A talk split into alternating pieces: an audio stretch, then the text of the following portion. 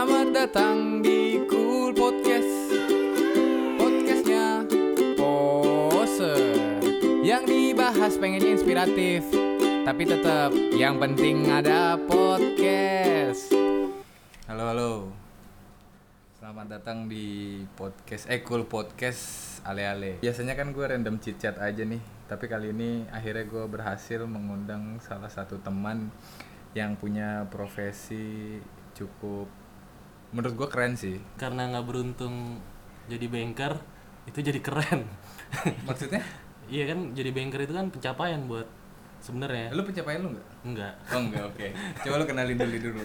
Oke gua Rengga profesinya itu random sih. Kalau ada kerjaan motret motret nulis nulis cuma lebih banyak nulis sekarang. Oke. Heeh. Jadi lu lebih dalemin eh, nulis dulu Pertama yang lu tahu itu dinulis dulu atau difoto dulu? dia nulis dulu lah Oh lu dinulis dulu? Heeh.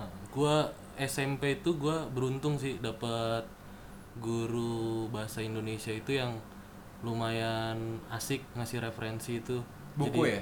buku Pramudiana Natur tuh Oh, waktu itu ha, ha. lu bayangin kelas SMP lu suruh bikin resensi buku dan bukunya berat banget Resensi buku tuh gimana nih? Bikin nilai-nilai yang ada di buku itu apa aja sih? Oh Yang bedah gitu ya? Heeh, ngebedah buku Nih gue gua, gua biar lu tahu juga ya Gue di sini orang yang gak baca buku. Heeh. Dan kayaknya dia gue sebagai mewakilkan orang-orang yang males baca kayak gue Heeh.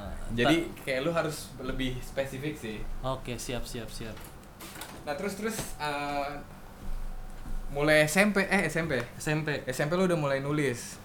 SMP itu mulai nulis nulisnya itu waktu itu lu inget gak sih scene kita 90-an itu kan ada zin zin apa zen sih sebutannya? Zain, ya. dulu itu masuk di poster Depok Depok itu di Stadebar Iya iya poster. Heeh, itu kan gua zamannya itu gua masih suka street punk hardcore gitu nah mereka tuh ada Zain itu barengan album kompilasi ibuku diperkosa record itu bikin Bandung Lautan Hardcore Anjir lu bocah kegelapan ya.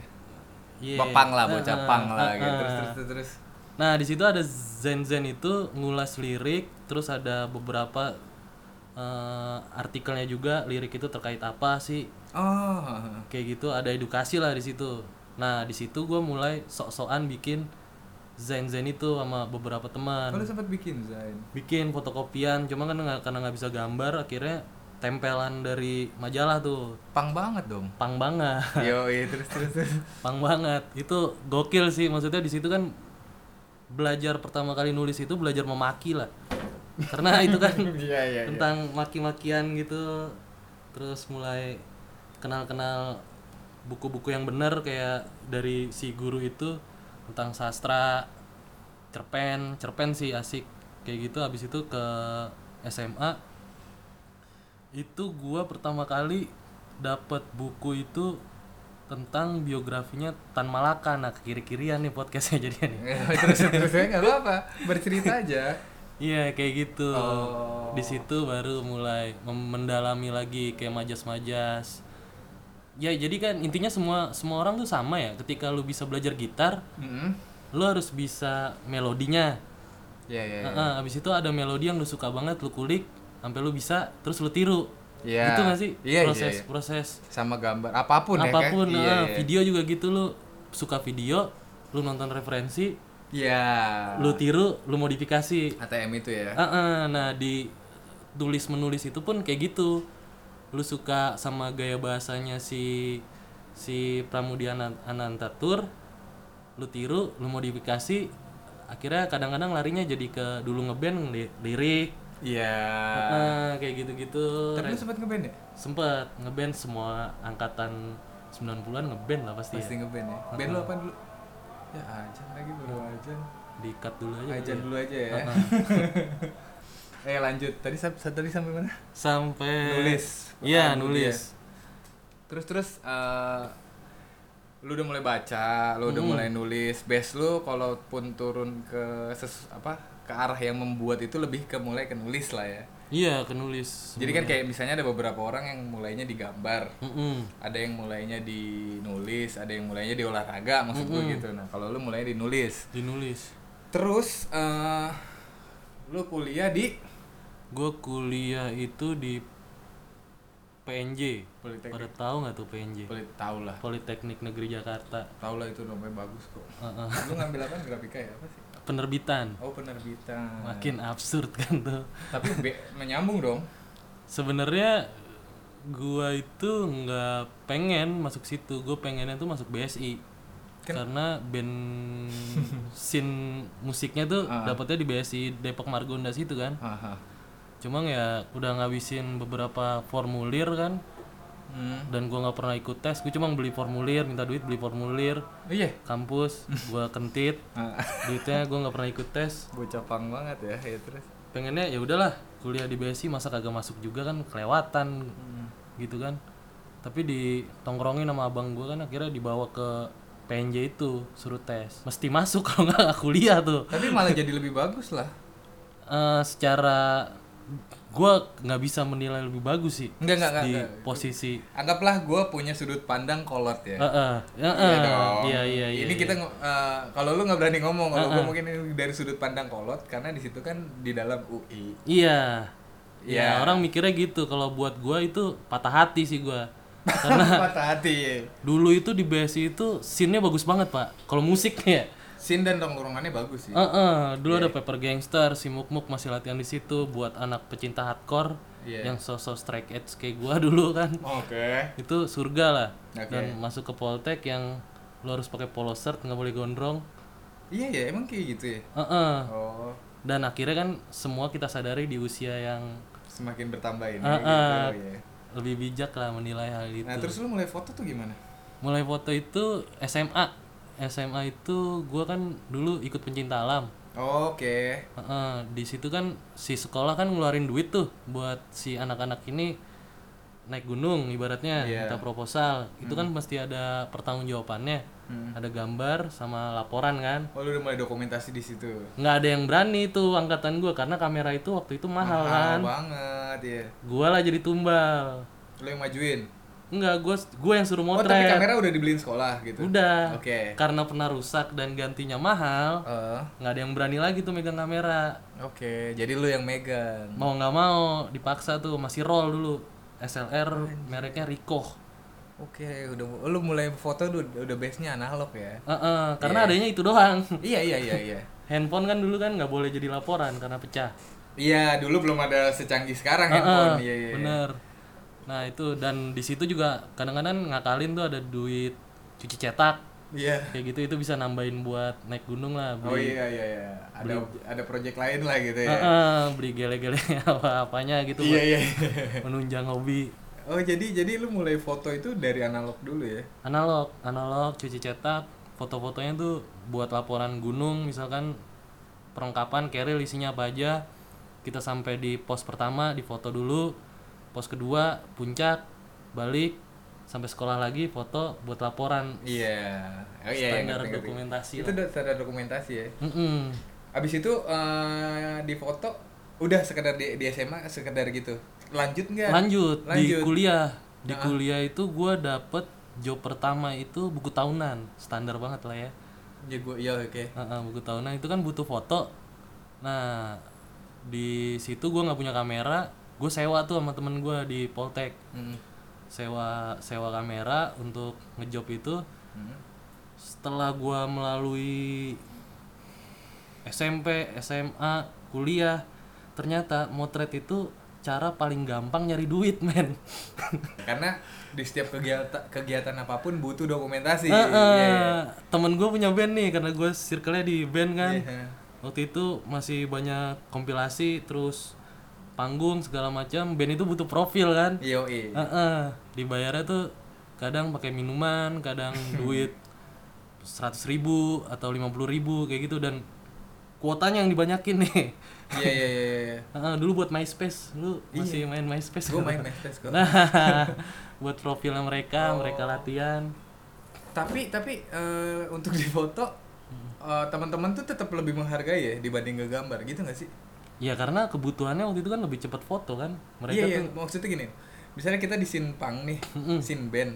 untuk orang yang bisa moto itu dapat lah paling nggak minuman Iya. seratus ribu tapi untuk yang bikin artwork kan belum tentu dibayar enggak enggak itu Iya dia sih? iya benar lu bikin artwork buat tongkrongan lu tuh Heeh. nggak nggak dapet gitu kan buat poster sebenarnya itu dapat sih. lumayan sih iya seharusnya kan Iya, lebih ke foto. Foto itu kayak lu dulu Rosi Fatmawati tuh kalau ada yang ingat scene-scene zaman itu kan. Mhm. Gue tuh nggak pernah beli tiket main di situ. Gue bawa kamera, oh kenalan sama panitianya, gue fotoin sini acara lu. hmm. Kayak gitu. lu barter gitu ah. Heeh. Dan kadang-kadang mereka kan eh, sungkan gitu cuma barter gitu karena ngeliat kamera gede kan. Ya udah ini amernya. oh iya iya. Oh iya benar benar. Diakuin. Mungkin karena alat alat si profesi fotografi ini ada alatnya. Heeh. kamera gitu. Kalau misal buat anak grafis kan nggak mungkin mau bawa komputer keluar terus Heeh, kan. Ya, kayak gitu kayak mungkin. gitu.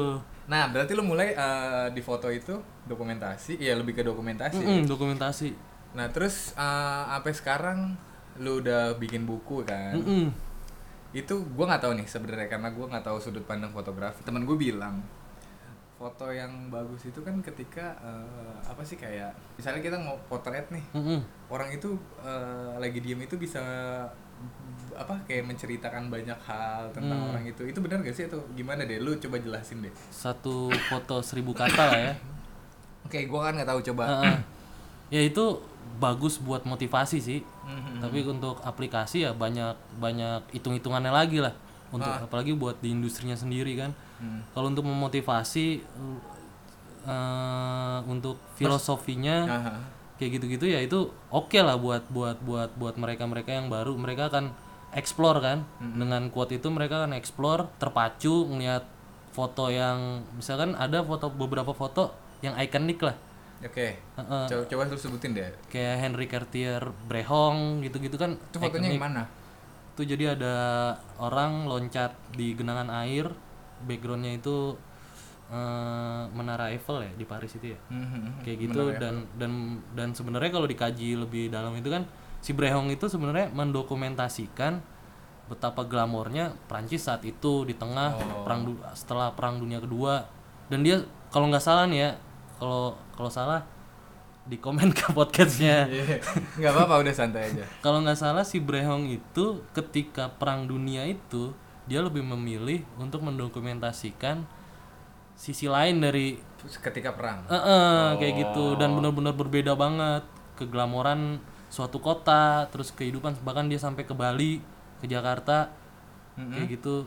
Untuk mendokumentasikan apa sih yang ada hari ini detik ini tahun ini di peradaban gua ini ibaratnya lu hidup hari ini nih. Iya. Lu hidup hari ini lu lu ada hari ini apa sih yang akan lu wariskan nantinya gitu loh buat orang-orang buat oh yang lainnya itu selain perang yang emang udah pasti dicatat sama sejarah lah. Oh dia kayak mencari-mencari yang tidak akan masuk dalam sejarah gitu ya. Iya nggak sih? Bener nggak sih? Iya, yang akhirnya nanti akan jadi sejarah lain untuk tandingannya ini. Oke oke oke oke oke oke. Iya iya iya. Oh iya, coba deh. Gua kan bukan basic fotografi nih. Mm-mm. Mumpung ada lu yang foto. Itu eh, genre-genre atau apa ya sebutannya aliran yang ngebedain fotonya itu Heeh. lu bisa jelasin gak sih? Ya di foto itu kan sebenarnya dibagi itu yang paling mainstream Iya. yang kepake di industri itu kan sebenarnya jurnalistik sama eh, komersial ya komers Produk ya. Heeh. Nah, komersial itu ada fashion ada wedding ada produk itu komersil ya, wedding? Uh -uh, komersil. Okay. selama dia ada transaksi di situ sebenarnya. Oh iya, iya. purposnya ya iya, iya purposnya. iya, di nah. jurnalistik juga ada transaksi cuma kan eh, purposnya itu lebih ke berita. Iya iya, iya. Uh -uh, lebih ke berita. Nah di kesinian makin banyak genrenya tuh. Nah. Mulai dari long term project sampai street photography yang lagi nah. sekarang lagi naik iya. daun yeah. dokumentari sebenarnya kalau ditarik benang merahnya sih ya sebenarnya basicnya itu kayak gua waktu naik gunung dulu sebenarnya makin ke sini gua masih merasa kayak gitu bahwa sebuah pengalaman hidup tuh mesti ada dokumentasi untuk report gitu loh. Iya iya iya. Eh, gua termasuk penganut Bikin mazhab arsip lah kurang lebih. ah kearsipan Iya.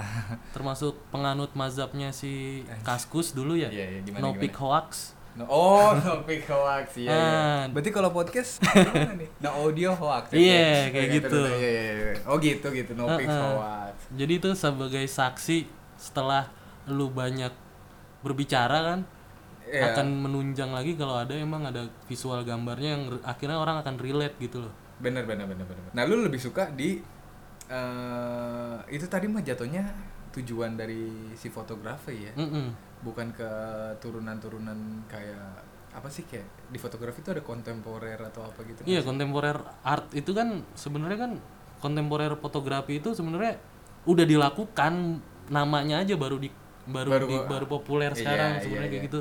Kayak William Klein itu dia kan bikin buku kalau nggak salah tentang New York ya. Dia itu motret street fotografi Heeh. tapi dia kerja juga di fashion Ah, industri gitu. iya iya iya Dia salah satu pelopor street fashion fotografi gitu. Oh, maksudnya yang arahnya eh, kan yang gue tahu fashion itu kan sebenarnya apa pun yang lu pakai dari setiap orang itu tuh fashion Mm-mm. dan masing-masing karakternya. Nah, itu- Dia tuh mengangkat dari pinggiran New York City ya, Iya. yang bukan glamornya. Kayak gitu gak sih? Heeh, nah si William Klein ini kemudian di entah kesepakatan apa gimana, gua nggak tahu mereka saling kenal apa enggak. Hmm. Dilanjutkan lagi sama satu fotografer, gue lupa fotografer New York Times.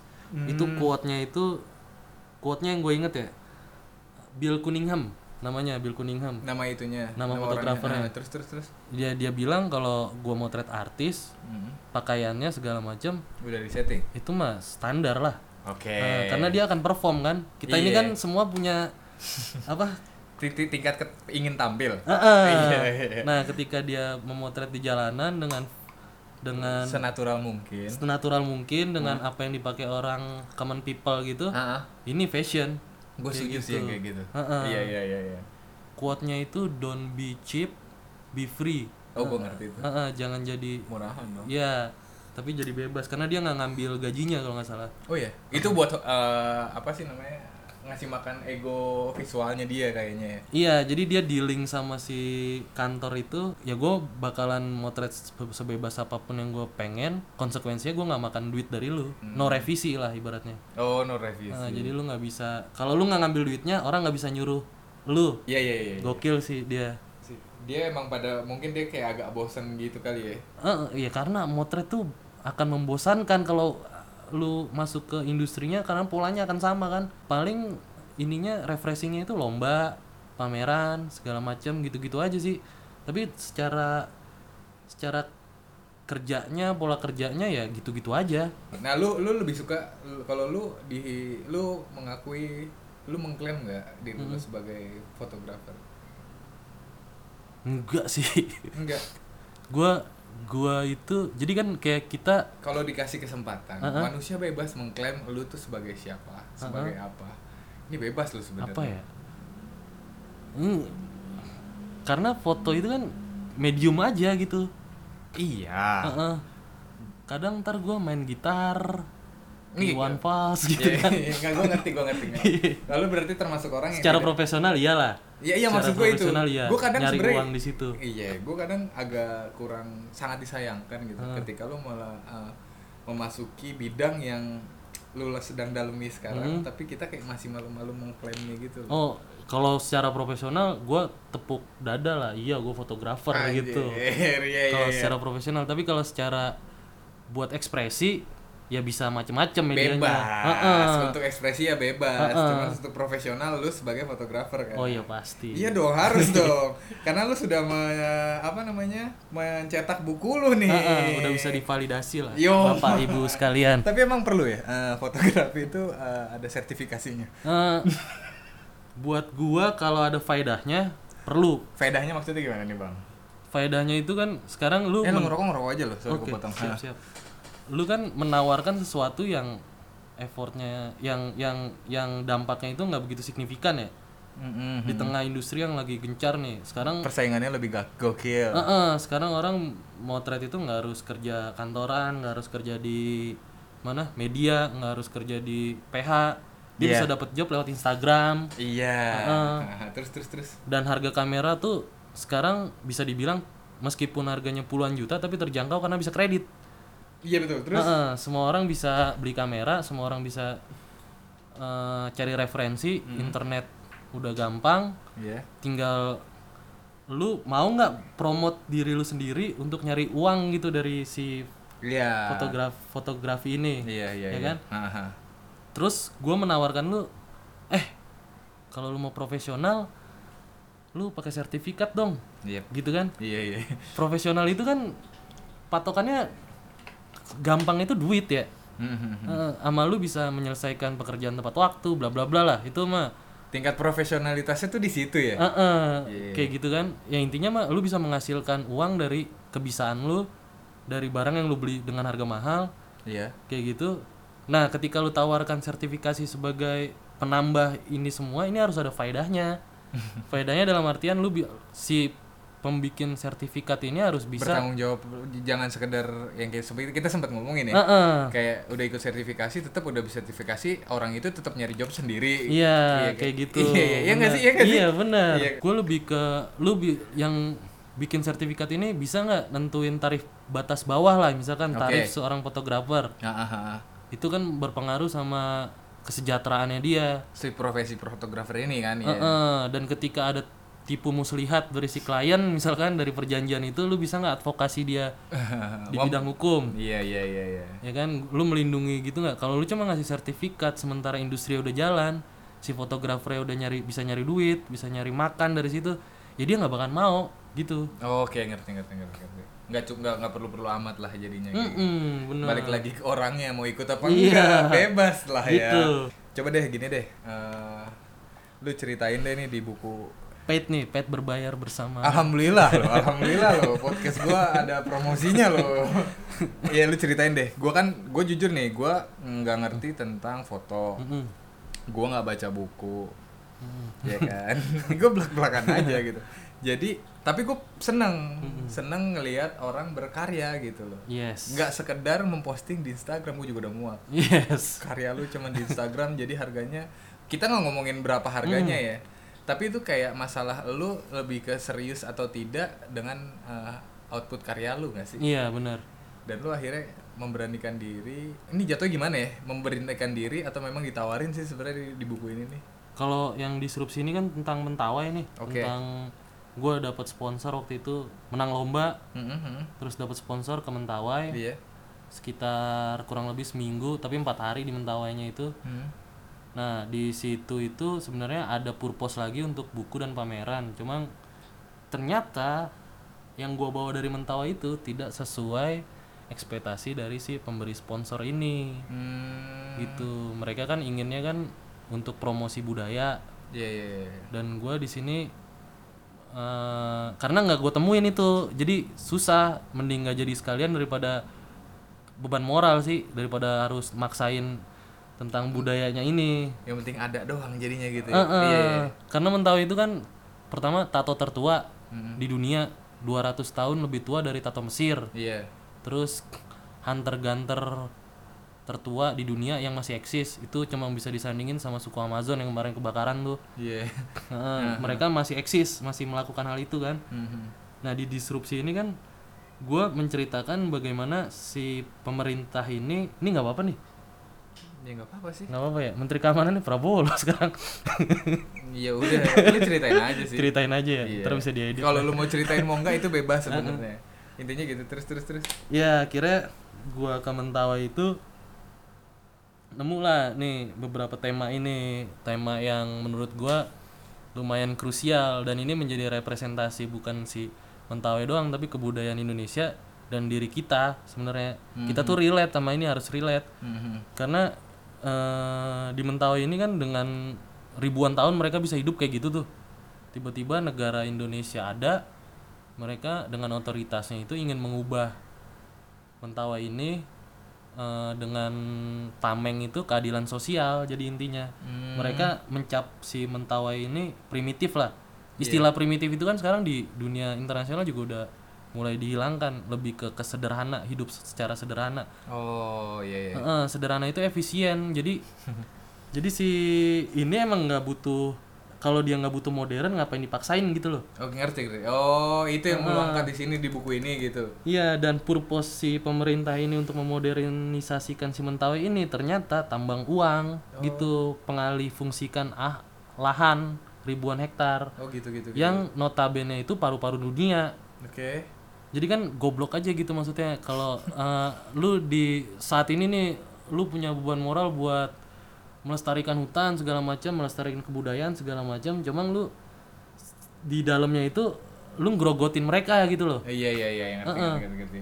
nah jadi lu lu lu lu lu tuangin semua di buku ini Ya, di buku ini itu bercerita lebih ke tentang gimana sih Mentawai itu filosofinya. Dia kan agamanya Arat Sabulungan. Anjing gua gak ngerti di sini lu cerita deh Heeh, Oke, Arat oke. Sabulungan Arat Sabulungan itu agama daun. agama daun oke terus terus Heeh. Kalau otomatis agama daun berarti kan hutannya tuh kiblat. nah, iya Iya, kayak kita Mekah lah. iya Eh, orang Mentawai itu kiblatnya ya hutan. oh Nah, alih fungsi hutan ini sama aja lu kayak ngerobohin masjid gitu loh. iya iya iya iya. Murka nggak tuh? iya iya iya iya kacau sih Nah, secara halus, ada beberapa secara halus. Tahun 1954-an itu emang udah diklaim agama itu dilarang sama Soekarno. Karena demi integrasi wilayah-wilayah terpencil di Indonesia itu mesti dalam satu benang merah lah. Ada ada generalnya, harus Iya, ada iya. generalnya. Agama tuh yang boleh Kristen, Islam, ya itu yang ada di Pancasila lah ya. Heeh, kayak gitu. Terus eh, orang tuh harus sekolah, iya. Kayak gitu. Segala macam ngapain lu sekolah kalau lu udah bisa bersahabat dengan alam lah naifnya gitulah. Iya iya iya iya iya iya. Kayak gitu. Dan justru bumerang sih banyak bumerang. Langkah-langkah pemerintah itu banyak bumerang di sini sendiri.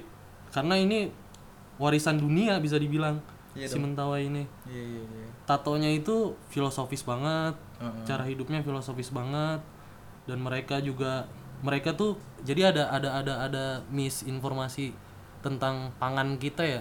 Sekarang kan kita makan nasi nih dibilang itu itu aslinya kita tuh makan nasi. Sebenarnya enggak kita makan sagu. Oke. Ketahanan pangannya itu akan lebih ba- lebih baik lewat sagu ketimbang nasi. nasi.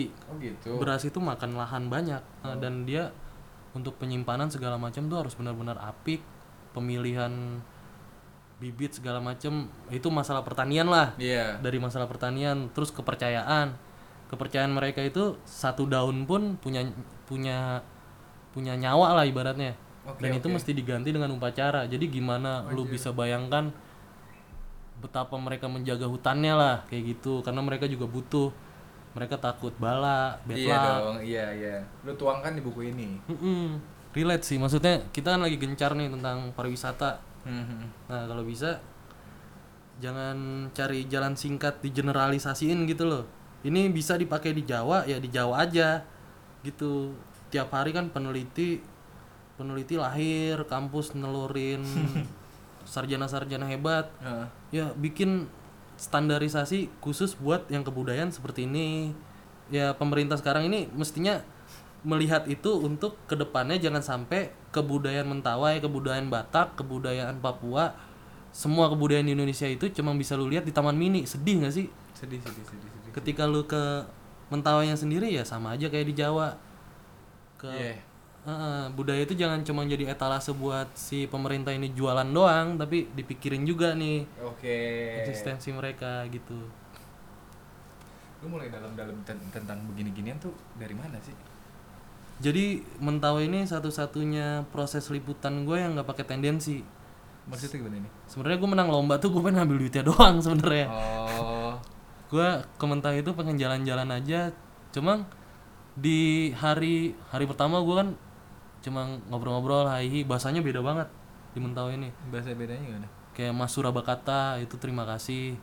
Aloita itu halo. Jadi Aloita? Aloita. Ah, ah, ah. nah Mentawai ini kan ada di dekat Padang nih. Yep. Heeh, dekat Padang dan dia itu benar-benar anugerah banget lah. Paul Walker punya pulau di situ kalau lo mau tahu. Oh, iya iya iya. dia sering bersembunyi di situ. Oke oke oke. ada rumah yang dibangun pakai tangannya sendiri dan tanpa listrik Iya. iya si yang main Fast Furious ya Iya iya. Heeh. Almarhum kan? iya almarhum Iya. Nah, Mentawai ini ombak terbaik di dunia, infrastrukturnya itu masih natural, jadi bu- bukan nggak kayak sekarang ya ada resort-resort segala macam. Dulu tuh masyarakat adatnya itu, oh suka surfing, pakai aja lahan gua. Lahan gua cuma dipakai tiga bulan sekali kok. Hmm. Kalau lu mau pakai, pakai aja. Se welcome itulah mereka sama orang luar. Iya. Dan kemudian itu mulai di kasarannya dijajah lah, dijajah, dikapitalisasi Hmm. sampai ke dalamnya ini nih. Ini kan udah mulai dalam nih apa eh, udah masuk si berut udah mulai dalam. Hmm. dan di sana ada beberapa klan ada beberapa suku. Mereka merasa eksistensinya terancam. Dan kenapa Mentawai itu nggak sekeos Papua? Karena mereka nggak terpapar informasi. Kalau mereka tahu kayak gue kemarin nyeletuk aja di sana gitu kan. Kalau ada sawit gimana panah dan parang berbicara dia dengan enteng gitu ngomong kayak gitu Iya iya iya. iya. padahal akan ke sana sebenarnya Anjir anjir anjir anjir. Enggak enggak enggak. Gua, eh, ini kan rumit ya buat gua aja nih pusing gitu kan. Gua harus benar-benar baca buku lu dulu gitu kan. intinya sih sebenarnya kalau buku disrupsi itu kan artinya tercabut dari akar Dis Kalau- disrupsi tuh ya. Heeh, KBBI itu tercabut dari akar, sering dipakai di bidang ekonomi Hmm. segala macam. Intinya itu mereka itu mulai dipaksa gitu loh Oke untuk oke oke oke. modern. Oh. Heeh. Gini, arah gue gini. Nggak semua orang eh, ngerti pemahamannya kayak lu. Mm-mm. Dan tujuan gue ngebantu lu di sini, nggak so sotoy banget gue ngebantu. Nggak apa-apa. Biar orang-orang yang di luar, anggaplah kayak gue nih, Heeh. yang nggak terlalu peduli sama ini, dan lu men- menjabarkan eh, buku fotografi lu ini, bagaimana indahnya mereka Heeh. tanpa harus di tadi itu lu bilang itu. Iya. Di sana tuh peaceful banget dan Peaceful. lebih ya lebih pasti lebih tenang sih terus. Nggak ada internet, nggak ada listrik dan mereka tuh katanya belum terpasti ter- secara teruji sih tingkat kebahagiaannya tuh di atas di atas orang rata-rata lah. Jadi ke sana tuh lu kayak kayak ketawa terus gitu. Iya iya iya, nggak kusut sih gue kebayang sih terus. Heeh, have fun kayak gitu kan dan terus lu pindah gitu ke generasi mudanya. Iya. Generasi mudanya yang tiba-tiba belak-belakan gue dengar celetukan ah gue mah nggak mau jadi si kere. Si kere itu si du- dukun mentawai. Oke. gue mau sekolah gue mau kerja gue mau keluar lah dari sini. Kayak gitu. Di satu sisi kan itu kan ancaman tuh buat si budaya. Iya. apalagi sih Indonesia yang bisa dijual kecuali budaya lah istilahnya gitu. Iya sebenarnya kayaknya di situ. Nah itu kan ancaman. Ancaman itu kan timbul dari bangku sekolah. Oke. Heeh, kayak gue pernah jadi di yang lucunya lagi di sekolah di Mentawai itu ada namanya pelajaran kebudayaan Mentawai Hmm. lu ngajarin orang Mentawai kebudayaannya Mentawai songong gak sih ibaratnya kayak lu ngajarin ikan berenang Iya iya iya. dan gue tanya kan di situ kebudayaan Mentawai yang paling dikenal sama orang umum kan tato Yep. berarti si anak-anak ini wajib berhak dan harus melestarikan budaya tato Mentawai dong itu kan kontradiksi pendidikan dan budaya sebenarnya Hmm. tato masih dipandang Iya. hari ini kan kayak gimana lah kita tahu Aha. Dan si guru itu nggak bisa jawab. Jadi gimana sih?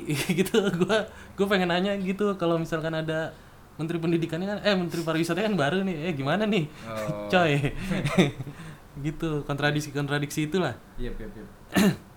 berburu terus bener-bener kayak cerita yang relate nya sih kayak cerita ini apa? Eh, Lone Ranger. Lone Ranger itu kan Lone Ranger tuh si Johnny Depp ya? Ya itu kan parodinya tuh Iya. itu oh, kisah itu nyata kar- oh iya iya. itu kisah nyatanya tuh Indian ya? sebenarnya Yang mana? yang dipakai yang di yang filmnya Johnny Depp itu kisah nyatanya sebenarnya Oh. kayak gitu kisah eh, propagandanya Amerika tuh yang Lone Ranger yang asli Oh. Itu kan pertentangan antara si Indian suku Indian sama pembangunan rel kereta pertama Iya. untuk ngangkut timah kan eh perak kalau nggak Iya salah itu. ha. Heeh. Oh. Nah yang aslinya itu yang Johnny Depp itu yang diparodiin sebenarnya Itu kisah aslinya. Heeh. Oh. kayak gitu nah di Mentawai itu sama kurang lebih dulu kan judulnya itu at the crossroad of Trans Mentawai gue judulnya di persimpangan jalan Trans Mentawai Mhm. cuma kan kepanjangan tuh di layout juga nggak enak Itu awalnya gitu. Iya. oh. Jadi ini ya. jadi ambilnya akhirnya ambil yang gampang diinget disrupsi kayak Hmm. gitu sih Iya, nggak usah kita bahas jauh-jauh ya tentang buku ini biar orang kepo. iya terus dibeli aja lah Iya, iya gitu kan jatuhnya. Nah, gue punya pertanyaan. Iya nggak sih ketika orang sering baca buku terus ke fotografi, lu hitungannya baca buku lah ya. iya boleh lah Ah. dibilang kayak gitu Maksudnya kasarnya gini, biasanya orang baca buku transformasi atau apa sih kita baca buku eh, itu kan input, Mm-mm. outputnya jadi ke nulis juga. Mm-mm. Nah, lu sebagai dari orang yang baca buku dan nulis juga dan fotografi juga, Mm-mm. itu lu ngerasa lebih kaya nggak sih di visual lu di fotografi? Ataukah apakah misalnya kayak intinya yang gue tahu secara visual itu adalah eh, mewakilkan pesan. iya nggak ilustrasi lah Iya, kasarannya. iya kan eh, menyampaikan pesan. Maksudnya eh, di sini kita anggap di sini bukan untuk orang-orang yang ngerti aja ya, Mm-mm. untuk kesemuanya nih. Eh, iya nggak sih? Ada pengaruhnya dari baca buku ke nulis ke foto jadinya semakin berbicara gitu. Sebenarnya bukan semakin berbicara tapi perbendaharaan kata kan. Sama kayak kita main musik nih. Ya kalau kita dengernya Peter Pan aja sampai di satu titik lu akan akan ngulik lagi. Gampangannya gini lu denger slang Heeh. lu jadi slankers. Kalau lu emang main musik dan lu serius sama si slang itu lu pasti ngulik slang itu influence siapa sih? Dapat lu Rolling Stone. Iya. Ya kan? Heeh. Rolling Stone itu kayak gimana sih? Ngulik lagi. Nah perbendaharaan perbendaharaan itu gua dapetin dari ngebaca gitu. Kayak gua perbendaharaan kata istilah-istilah Oh, oh. majas-majas Iya. kayak gitu. Pasti garing lah kalau diterangin di sini majas personifikasi kayak gitu gitulah terus terus terus. Ya kan? Perbendaharaan kata itu gue dapat dari baca gue aplikasikan ke konsep iya konsep itu kan bisa berupa tulisan pro purpose nih buat orang-orang yang freelance nggak kerja di kantoran. Nah. Proposal itu kan adalah kunci. Iya. Ya kan? Me- melak- melakukan purpose buat riset apa misalkan pasar. Iya. Pasar pasarnya ya yang yang pengalaman gue kemarin ya gue dapet kerjaan itu Mm-mm. gue motretin pasar. Paling gampang itu kan motretin apa semi jur semi jurnalis gitulah. Itu gimana sih maksudnya ya kayak jurnalistik itu kan lu butuh akses kan? Yep. Kartu pers segala Ah, macam ah, buat buat ke acara-acara gede Iya, kayak gitu iya. buat foto lu keren iya. kayak gitu. Nah di pasar itu kan bebas akses tuh. Iya iya iya gue gampang motret gue motret di pasar lama-lama jenuh kan. Heeh. karena fotonya banyak terus mau dikemanain nih foto nih? Heeh. sampai di titik itulah kalau lu udah mendalami fotografi bertahun-tahun lu akan merasa jenuh dan harus nih foto harus jadi sesuatu lah. Iya. Kayak gitu. Nah gue bikin purpose itu lewat konsep tulisan itu kayak tentang transaksi kebudayaan di pasar tradisional istilahnya kayak gitu. Iya. nah menyusunnya itu konstruksi konstruksi konsepnya itu gue dapet dari ngebaca. Iya iya iya iya. sama kayak video nonton referensi YouTube. Baru di ini ada bahasanya dulu kata-katanya gitu Heeh, visualnya angle-nya yang benar nih. Iya. Editingnya kayak gimana nih fast forward gini gini gini gini gini iya iya iya kayak gitu sih Enggak maksud gue gini, maksud gue gini, eh, iya nggak sih? Kayak misalnya gue gambar nih, Mm-mm. nggak semua orang ngerti gambarnya kan. Heeh. Maksudnya ini ni- dari nilai sebuah foto lu nih. oh iya iya iya Iya lu, lu iya. pak nangkap nih Ah, sekarang. nangkap, nangkap. Iya nggak sih kayak pengaruh? eh, iya dong kayak gue mungkin basicnya komunikasi ya. Jadi setiap apa pun yang gue buat itu harus ada pesan yang mau gue sampein. iya iya iya Nah iya jadinya ketika lu udah baca, jadi kan paling enggak lu mulai mengenali karakter si foto lu nih Mm-mm. dan karakter diri lu itu ya relate ke hasil output foto lu nggak? pastilah Pasti kan? pasti jadi semakin lu banyak baca kan lu semakin tahu sebenarnya kalau lu malas baca bisa ngobrol cuma jangkanya lebih lama lagi tuh kalau Iya, ngobrol iya, kan iya, nongkrong iya. baca itu lebih efisien apalagi sekarang banyak internet kan Iya. lu jadi tahu masalah yang lu hadepin ini sebenarnya se-urgent itu gak sih buat orang lain kayak gitu pertama itu bisa nentuin tema dari karya misalnya gambar misalnya ilustrasi lah Iya. jangan sampai lu heboh sendiri di dalam lu lu ngerancang sepeda di dalam kamar lu ketika lu keluar mobil udah terbang pak karena lu nggak karena lu nggak ngebaca nggak mantau informasi. Oh gitu gitu gitu gitu. kayak iya, gitu. akhirnya kan jadi garing ketika karya itu muncul. Kalau selama ini sih yang gua dapetin itu benefit dari membaca membaca tuh jangan dianggap kaku. Iya dong. gue punya rak buku gitu ya Iya. internet kayak gitu-gitu juga. Membaca sosial media gitu kan Input-input dari mana pun itu kayak gitu. Heeh, ngebaca ngebaca gejala sosial dari sosial media instastory orang itu kan lu bisa bisa bisa kalau lu punya waktu luang lu bisa dapat benang merahnya oh lagi kayak gini nih trennya nih Oh iya iya iya iya. iya. Ngerti ngerti. sesimpel itu sih sebenarnya Iya, iya, untuk aplikasinya sampai ke karya Oke oke oke. Enggak, maksudnya gini loh. Eh gue kadang merasa keren-kerenannya di foto. Mm-mm. Anjing ini yang dengerin bukan orang fotografi kan ya? Enggak, gue memang sebodoh ini gue. Maksud gue gini loh. nggak apa-apa Eh gila ngomong lu serius ya? iya ini jadi serius Enggak maksudnya gini loh. Eh gue bingung nih gimana ya nyampeinnya. Kayak eh di foto orang tuh pasti akan lebih appreciate karena itu fotonya ada dianya. yes Iya iya. Bener. Maksud gue gini, eh, ketika lu sebagai pengkarya kur kreator ya kan yang media lu adalah kamera. Iya, kalau gua gua mungkin gini. ya. Gua kadang kayak punya gambar eh, beberapa yang isinya sebenarnya kayak gue mau curhat. Mm-mm. Nah, di foto itu eh, ada juga kan kayak gitu, tapi gimana ya cara mengartikannya gitu loh. banyak Iya. tapi gua nggak gitu Oh, lu nggak gitu? karena menurut gua masalah gua masalah pribadi gua nggak sebesar itu untuk dipublish kalau gue pribadi ya Iya, oke. Heeh, kalau gue pribadi Karena lu tipikal orang yang nongkrong, Pak, bisa sharing ke siapa aja. iya Setuju nggak lu? setuju Lu kalau lu tau Kurt Cobain, itu tipikal orang yang introvert, iya tapi dia semuanya dilimpahin ke karya. ah, Ada dua tipe ada, manusia. ada dua tipe manusia itu Iya. menurut gua apa pun itu apa pun purpose lu buat motret buat Bikin gambar bikin karya lah apa pun itu selama lu nggak keluarin selama lu nggak publish lu nggak tahu lu ada di mana gitu loh Iya, cuma lu pendem di kayak tadi lu bilang lu ngerakit sepeda tapi kalau keluarin kayak gitu. iya kayak gitu jadi selama itu masih menggairahkan untuk explore entah itu mau curhat kek entah itu lu gagah-gagahan ngomongin politik kek Iya, iya. entah lu cuma Mau kelihatan pinter kayak pinter gitu. kek Iya, ha. atau lu mau cuma heha hahaihi aja buat have fun gitu kan apa pun itu ya keluarin aja menurut gua ntar kan ada kurasi publiknya Iya. publik tuh yang bakalan ngasih input output segala macam tapi kalau lu udah percaya diri lu konsisten di situ ya klise tadi tuh bilangnya konsisten adalah kunci Iya, kan iya. tapi nggak mau mau nggak mau kan Emang kayak gitu. emang kayak gitu lu juga nggak dibiayain sama mereka ya kan berkarya Iya. capek-capek lu ngerubah style lu ngerubah apa yang lu percaya Ngikutin mereka, Ngikutin ngomong- mereka. Iya. udah lu ikutin mereka nggak terima lah Iya, lu kesian lu nya sih. Iya, lu sebenarnya berkarya apa bekerja sih nah, gitu ya. kayak gitu. bekerja lebih mendingan sih dapat duit. Iya jelas Dapat gaji. Iya, iya, iya. Oke oke oke. Maksudnya gini deh ya apa kayak gue lagi pengen tahu eh, soalnya gue jujur aja ya gue termasuk orang yang suka foto suka video tapi gue gak punya kamera. Mm-mm. akhirnya gue mulai ke 3D ke ilustrasi gitu kan. Gue kadang ada eh, agak sedekat sedikit iri. Mm-mm. dulu pernah ada riset di internet profesi atau hobi yang disukai banyak wanita? Ah fotografi ya. Fotografi? Tapi gue nggak punya kamera. Sayangnya gua nggak di genre fotografi yang itu sialnya tuh. Emang itu genre fotografi yang kayak gimana sih? ya motretin model. Ya sekarang gampang gampang gini dapetin cewek ya.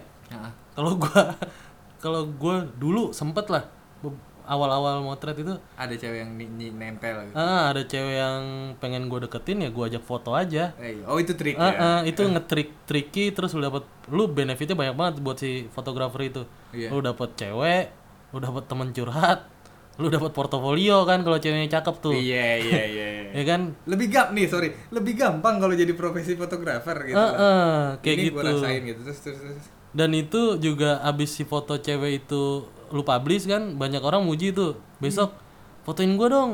Apalagi sekarang geng-geng sosialita itu banyak banyak beberapa teman gue yang Iya. akhirnya nempel sama geng-geng sosialita gitu. Yang mereka ya mereka dapat uang dari situ. Iya dong.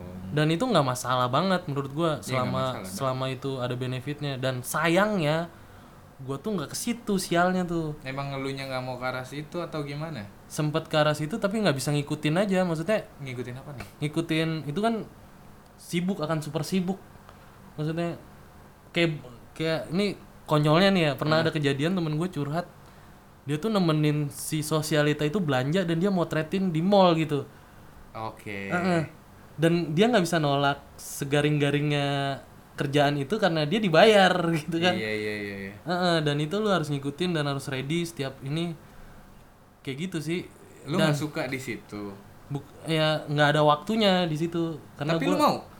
Mau kalau ada kesempatan lah siapa yang nggak mau itu Oke. dream job men Apa? dream job itu Kerjanya gak capek-capek amat. nggak capek-capek amat Ngikutin dia belanja aja difotoin gitu. Oh iya iya. iya. gratis tuh Eh, eh gra maksudnya hidup lu eh, maksudnya gini mungkin ya eh, circle persosialan lu jadi naik Heeh. ditambah lu dibayar juga Iya. ditambah teman-teman yang lain langsung menghargai lu ketika lu main sama si A si B si C Heeh. oh iya siapa yang nggak mau kayak gitu iya ya? gua itu selama ini motret di comberan men kalau Oke, lihat-lihat kalau lihat foto-foto gua Iya, makanya lu suka ada makanya sebenarnya Oh. kenapa gua tadi nanya sebenarnya itu lu ngomong lu deh ngomong lu iya gua gua malah kebawa ke yang humanis ya di comberan di tempat sampah terus ketika temen gua lagi di mana di salah satu mall di Jakarta lah Oke. motretin ini dan dia punya penghasilan yang lumayan cukup wow Iya, itu iya, iya. keren sih iya iya menurut gua berarti lu jatuhin nah kalau lu yang gue lihat kan gue sering lihat lah maksudnya beberapa foto lu sebelum lu buku buku apa yang Bikin. kita mau sempat mau bikin buku Iya, kan jadi. lu kan itu cerita tentang uh, kehidupan sosial uh, Jakarta. Jakarta. tapi yang gue lihat tuh ada beberapa yang lagi bikin di acara Mm-mm. terus kayak apalagi ya gue yang gue inget sih yang pas lagi acara gitu kan Mm-mm. ya itu kan lu uh, yang tadi pertanyaan gue tuh sebenarnya kayak lu tuh mau menyampaikan gaya hidup atau ya kayak tadi yang lu bilang ya siapa sih Uh, gue lupa tadi fotografer Prancis itu ya? Mm-mm, si Brehong. momen-momen momen itu yang mau lu angkat kan dari setiap fotografi? Iya, jadi kan intinya lu bingung gak sih sama pertanyaan gue enggak enggak, enggak nang- nangkap nangkap nangkap. Intinya itu kan banyak orang boleh lah berfilosofi tentang fotografi, oke. Bikin mazhab-mazhab, aliran, genre segala macam. tapi maksudnya terus terus. Tapi buat gue ini gue fotografi bikin bercanda aja ya terus. Terus. Tapi buat gue mah fotografi itu ya dokumentasi. Lu nggak lu, lu nggak lebih rendah nggak lebih tinggi sama ketika lu motret ulang tahun keponakan lu gitu oke iya lu nyari Sama- duit gitu. Eh, maksudnya eh, secara apa ya esensinya lah esensi fotografinya itu. Heeh. intinya mah dokumentasi lu motret di istana kepresidenan pelantikan presiden sama lu motret keponakan ulang tahun gitu ya intinya dokumentasi lu mendokument lu membekuk kalau kata efek rumah kaca itu kan ada lagunya tuh. Hah?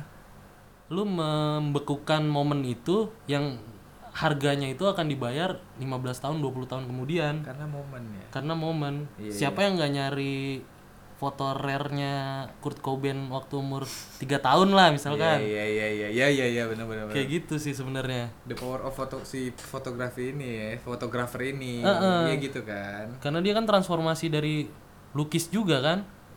Iya iya iya iya. Gambar itu kan awalnya itu kan purpose-nya sama mendokumentasikan momen-momen yang mungkin nggak akan terulang lagi di puluhan tahun ke depan. Iya iya iya, iya. ini Momen. dipermudah. Jadi eh, kasarnya gini deh anggaplah gue gue emang awam nih di sini di foto. Gue karena gue mencoba bertanya ke lu dari pertanyaan orang ke gue iya mewakili lah ya. Ya maksudnya kita bertanya bertanya Spice, bertanya spice. gitu. Misalnya kayak gini Eh gue pernah ditanya dit lu tuh ngapain sih? Mm-mm. Bikin gambar hitam putih Mm-mm. lu tuh ngapain sih bikin gambar orang botak warna-warni Mm-mm. itu kan untuk orang-orang yang nggak paham iya gue jelasin nah sekarang gue nanya tentang fotografi tuh yang dijual tuh apanya momen tadi itu Mm-mm. ternyata ya ya gimana intinya pokoknya gimana caranya si foto ini menghasilkan uang lah ya hmm. misalkan gitu ya pertanyaannya bukan bukan Oh, bukan, bukan. bukan. anggaplah lu sebagai seniman fotografi Heeh. ada nggak sih seniman fotografi tuh ada nggak sih yang Sekarang- dipamerin tuh apa sih gitu loh? Sekarang udah mulai ada kayaknya. Sekarang apa aja dinamain kan? Iya iya iya iya iya. Dan menurut gua ya kayak pameran lah. Ibaratnya kalau fotografi itu kan apresiasinya pameran ya. Kalau lu bukan jurnalis kalau jurnalis sudah tiap hari lu. Foto lu pamer di media. Iya iya. Heeh, lu tinggal kuat-kuatan aja tuh. Lu sampai kapan boring nge-share foto lu naik ya kan? Iya iya. Kayak gitu. Ya pameran itu kan salah satu apresiasi ke publik lah tentang karya foto lu. Mm-mm. Nah kenapa gue bikin buku nih? Nyambung ke buku ya? Iya. Kenapa gue bikin buku itu? Karena si pameran foto itu emang nggak efisien menurut gue nggak efisien karena effortnya besar. Nah eh, lu harus ngeriset segala macam untuk bikin tema pameran. Iya. Segala macam bahkan lu patungan buat sewa galeri Heeh. bayar kurator bayar makanan si pengunjung nanti pas opening. Heeh. lu pajang karya siapa yang mau beli karya fotografi lah istilahnya gitu di angka 5 juta ke atas. Itu pertanyaan gue sebenarnya. Ya terus terus terus. Hampir nyaris mustahil kalau lu belum punya nama kayak gitu. Iya. beda sama lukis sama patung itu lebih akan collectible lah ya. Apa collecte collectible ya collectible gitu. Memorabilia Iya. kayak bisa bisa dibilang kayak gitu foto kan lu bisa motret sendiri oh oke orang mikirnya kayak gitu kan Iya iya, mungkin dengan kata lain gini, lu sedang eh, anggaplah di cover di apa Disrupsi. disrupsi ini, lu pamerin, siapa yang mau beli? Mm-mm. Eh, kalau emang nggak suka banget sama kebudayaan Mentawai, Mm-mm. atau dengan kasarnya gini, lu eh, fotoin human interest tentang eh, Pasar, misalkan. pasar, siapa yang mau beli foto Mm-mm. pasar? Kalau emang nilainya nilai dia nggak arsi-arsi amat, ya. Mm-mm. ya kayak gitu ya. Intinya kayak gitu dan fot- buku foto itu bisa jadi alternatif Ah. sekaligus menguji si fotografer itu sendiri sejauh mana lu paham itu kan karena menulis kan Oh iya harus ada tulisan juga soalnya. Heeh. Iya, iya. kalau lu cuma jualan foto aja ya boleh boleh aja lagi-lagi di dunia ini belum ada aturan baku tentang fot- buku foto Iya, iya. iya. Ah, nggak ada aturan bakunya tentang buku foto lu bisa bikin seliar-liarnya ya boleh-boleh aja cuma kan di situ kan ada pertimbangan market Iya. Oke, gini deh. Kalau dari gambar, Mm-mm. ini lu kalau pertanyaan gue muter-muter tolong bantu ya. Gue maksud gue gini, dari fotografi, dari ilustrasi. Ilustrasi kan ada doodling, ada ya, kayak Basquiat, ada pop art segala macem. Yang ngebedain dari foto tuh karakternya apa gitu loh. oh Coba tolong jelasin ke gue. gue juga sampai sekarang menggali pertanyaan itu Tapi dulu udah sering ditanya kayak gitu gak sih? sering Itu pertanyaan standar kan? standar Tapi memang harus disampaikan. iya sampai bahkan nyokap gue yang orang umum awam pun sampai akhirnya bertanya karena gue konsisten konsisten dalam arti negatif ya Maksudnya buat gimana? buat buat si orang tua Nah, iya, Ah. oke. gua kan sempat kerja beberapa kali jadi fotografer dan gua segampang itu resign terus Cuma memilih ngedelain ini gitu lah. Heeh, apa sih yang lu cari sebenarnya foto lu apa bedanya sih sampai gua harus percaya lu bisa hidup Iya. dari sinilah istilahnya gitu ya sampai detik ini kenapa gua masih motret karena jawaban itu belum ketemu tuh Lu belum bisa nemu jawabannya. belum karena gua pun hidup dan gua masih motret gitu sebenarnya perta- oh, oke terus terus terus. sampai akhirnya gua punya kesimpulan pertanyaan itu nggak penting sebenarnya Oh itu nggak penting. karena si fotografernya masih hidup dan, dia Dan lu belum bisa hidup dari hasil foto-foto lo. Heeh, Oke. kayak gitu itu kan harusnya udah ngejawab sebenarnya Oke. secara lisan itu pertanyaannya apa pun yang lu lakuin nih quote-nya Pak Bondan ya Pak Bondan Bondan siapa nih? Bondan Maknyus almarhum Oh iya. Heeh, ternyata dia kan orang hebat sebenarnya Iya. dia tuh resetter investigator keren lah dia lahir dari Tempo kan Hmm. sebenarnya kita kenalnya Maknyusnya aja yang populer lagi-lagi tuh Itu Pas- pasarnya. pasarnya Iya. gitu dia bilang kalau lu emang jadi supir taksi Tuh, jadi nggak apa-apa gitu. nggak apa-apa tapi jadilah supir taksi yang terbaik tepat waktu Oke.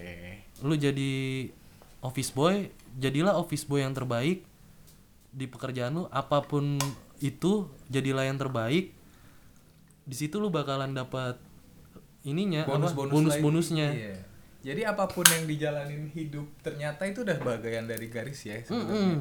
Jadi kalau dikulik-kulik apa sih apa sih gitu di titik kebahagiaan orang ternyata beda. beda beda Terus banget kayak ya syukurin aja dan kalau emang mungkin ya mungkin gua, gua, Hmm. gua sosok inin ya apa pun yang lu lakuin sekarang ya lu lakuin aja gitu lah ya. Iya, lakuin dan upaya untuk mencapai pencapaian-pencapaian itu cobalah dimulai dari level jadilah yang terbaik gitu. Oh tujuannya yang terbaik aja, tunjukin aja itu yang lu bisa Iya. gitu ya. Kayak kayak gua itu ke bawah ya si quote-nya Pak Bondan itu misalkan ada job motret datanglah paling pagi Oh. selesaikanlah tepat waktu dengerin maunya si klien apa kalau di produksi itu ya kalau bisa tuh ya bikin puas si klien itu karena kalau lu mulai membangkang dari profesi yang lu sukain Hmm.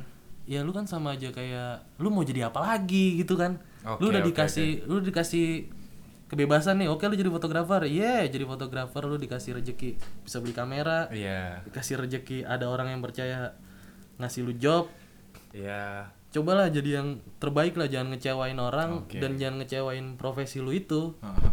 kayak gitu Tapi sebagai fotografi tuh pernah nggak sih udah main? sering lah Sering juga. sering karena ini kan gue posisinya nggak kerja Oh tetap ya Heeh. intinya intinya mah kerja masih intinya tetap kerja ya. Heeh. Sebenarnya gua kenapa ngajak lu tuh sebenarnya gini loh. Lu sekarang freelance kan? freelance Maksudnya lu nggak terpatok di satu kantor gitu. Heeh.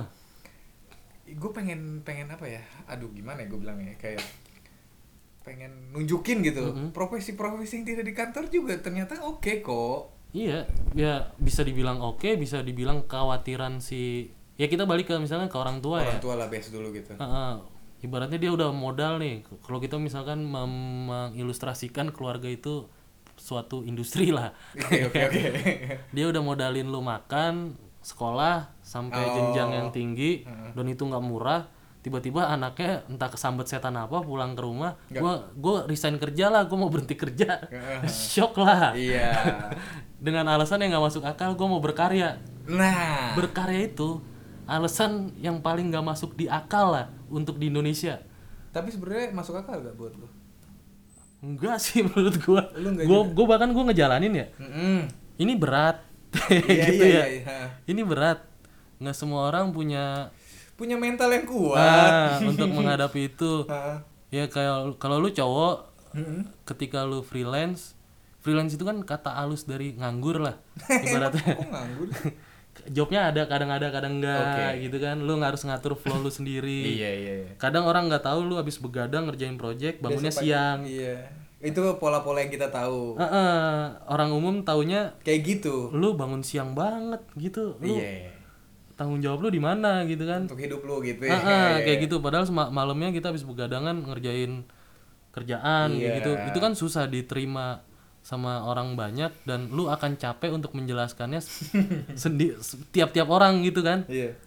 akan capek dan akan ketemu titik gimana ketika lu mulai pacaran lu kenal sama orang tua si cewek si orang tua cewek Oke. pasti nanya kan Iya, kamu kerja apa nah? Heeh, gitu kan. nah. dan gue jawab selama ini gue jawab polos nganggur Kalau lu langsung bilang nganggur. Nganggur karena kalau gue bilang freelance gue harus jelasin panjang tuh Oh, oke. Ini trik lo oke juga terus. terus. iya nganggur lo kok nganggur kan kuliah gini gini gini oh iya kadang-kadang motret yang paling bisa diterima sama orang awam itu kan motret kawinan Oke. ya kan Iya. motret nikahan oh iya masih aman lah si Oke. orang tua cewek itu kan Oke. Heeh.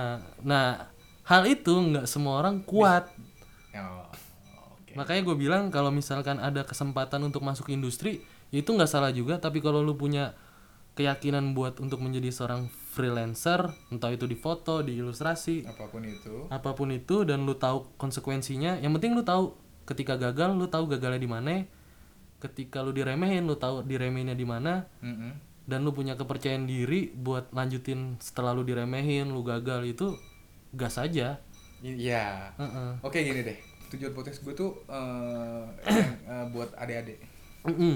generasi kita nih. Kita udah udah waktunya menurunkan eh, bukannya sok ngajarin ya, cuman kayak berbagi cerita Iya. aja. Anggaplah ada orang yang habis lulus kuliah susah nyari kerja. Mm-mm. Itu kan sebenarnya pusing. yes pusing maksudnya pusingnya tuh di daripada lu musingin doang mendingan lu kan gue sih menyarankan ketika lu menunggu pekerjaan sambil membuat sesuatu Mm-mm, bener Iya ini gue minta tolong sama lu jelasin karena profesi fotografi. Ketika buat adik-adik yang mau terjun di fotografi pesan ah, kalau pesan kayaknya lu gimana? Terserah lah lu menyebutnya apa kayak apa yang mau lu sampaikan. Pengalaman lah ya sharing pengalaman iya ya. ke adik-adik. Ketika dia memang milih oke kayaknya fotografi tuh gue banget. Heeh. ya dong kita pernah ngerasain kayak Yoi. gitu dong. Gue banget nih. Seantusias itu lah ya. iya. Nah tapi lu coba biar ngasih masukan kasih kalimat atau apa ke mereka biar dia tetap kuat di apa yang dia pilih. Di hidupnya yang menyedihkan saat ini mungkin Karena, belum ada uh, uh, kerjaan. karena sampai sampai kapan pun hidup tuh akan menyedihkan. Sebenarnya.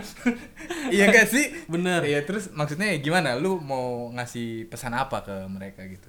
Intinya sih eh sekarang infrastrukturnya tuh buat pamer itu lebih banyak ya ketimbang zaman gua. Sebenarnya lebih punya kesempatan mereka gitu? Iya. Oke lu ada sosial media ada sekarang ada line WhatsApp segala macem lah yang semuanya lebih mudah dijangkau dan itu bisa deliver si audio Karya visual heeh. produktif aja produktif produktif. Orang pasti akan banyak pro dan kontra itu udah pasti lah. Iya. Tapi akan lebih berfaedah hidup lu ketimbang lu di kamar meratapi nasib gitu. Iya itu lebih baik lu udah beli kamera untuk fotografer misalkan ya? Gua tuh udah sampai di titik siapa pun bisa jadi fotografer dengan dengan alat apa pun dia bisa menghasilkan gambar yang bagus. Dengan medium apa pun dia bisa menjual karyanya. Dengan trik-trik apa pun dia bisa mendapat kedekatan dengan customernya nah eh. dan menurut gue itu itu sah secara adat dan hukum lah. Gitu kayak kan? gitu. Iya iya iya. Selama itu menghidupi lu dan lu nggak merugikan orang lain jalanin aja. Nah nanti akan akan kebentuk sendiri pasarnya akan kebentuk sendiri lu tuh ada di mana nyamannya. Dan kenyamanan lu itu belum tentu kenyamanan orang lain. Banyak ba- dari kita kan selalu mikir orang lah ngertiin gua Oke. Heeh, orang lah ngertiin gua ngertiin profesi gua emang belum sekarang saatnya gua untuk mendapat uang Iya. mendapat pekerjaan yang settle, mendapat penghasilan yang tiap bulan ada.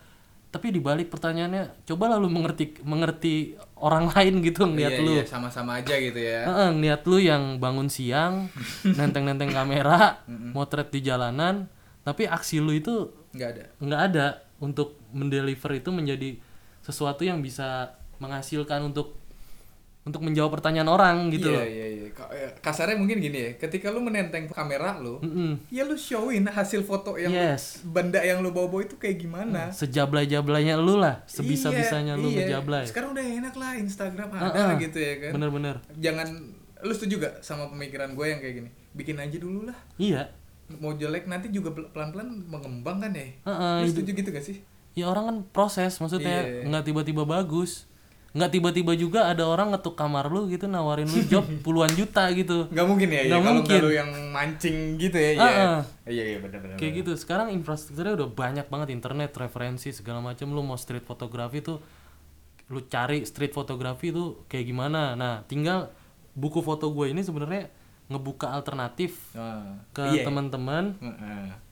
nih karya lu bisa dikolek dikolekin dikumpulin jadi buku lu nulis nulis itu banyak referensinya lu mau tema urban itu sabrek-abrek mulai dari bahasa Indonesia sampai bahasa Inggris udah ada Google Translate-nya Heeh.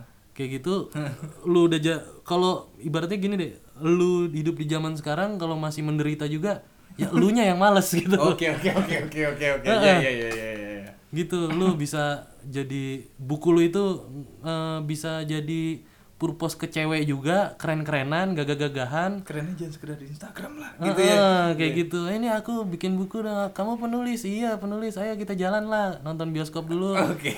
kayak gitu bisa Iya. jadi bahasa pergaulan juga Heeh. terus bisa menghasilkan uang juga lu tinggal gimana pinter-pinternya lu marketingin Hmm. kayak gitu kan bisa jadi opening buat dapet job juga gue selama bikin buku foto ini gue klien udah nggak ditanyain portofolio men Nah. lebih enak gitu Iya. udah pernah motret apa udah pernah bikin buku Ah, itu kan nilai plus lain. Heeh. beranak lah itu jadi project project project lain di perusahaan kayak gitu Oke, oke, oke, oke. jadi beli bukunya Iya, tetap. biar tahu konstruksinya kayak gimana dan ini nanti kan ada tingkatannya sebenarnya gue bikin ini buat program edukasi ya Ah, ini ini yang pertama. Heeh, ini beginner Heeh. buat program edukasi ke komunitas-komunitas foto Hmm. agar mereka itu punya platform lain buat publish buat promosi gerak-gerakan keren-keren loh sekarang eh, komunitas-komunitas foto itu Hmm.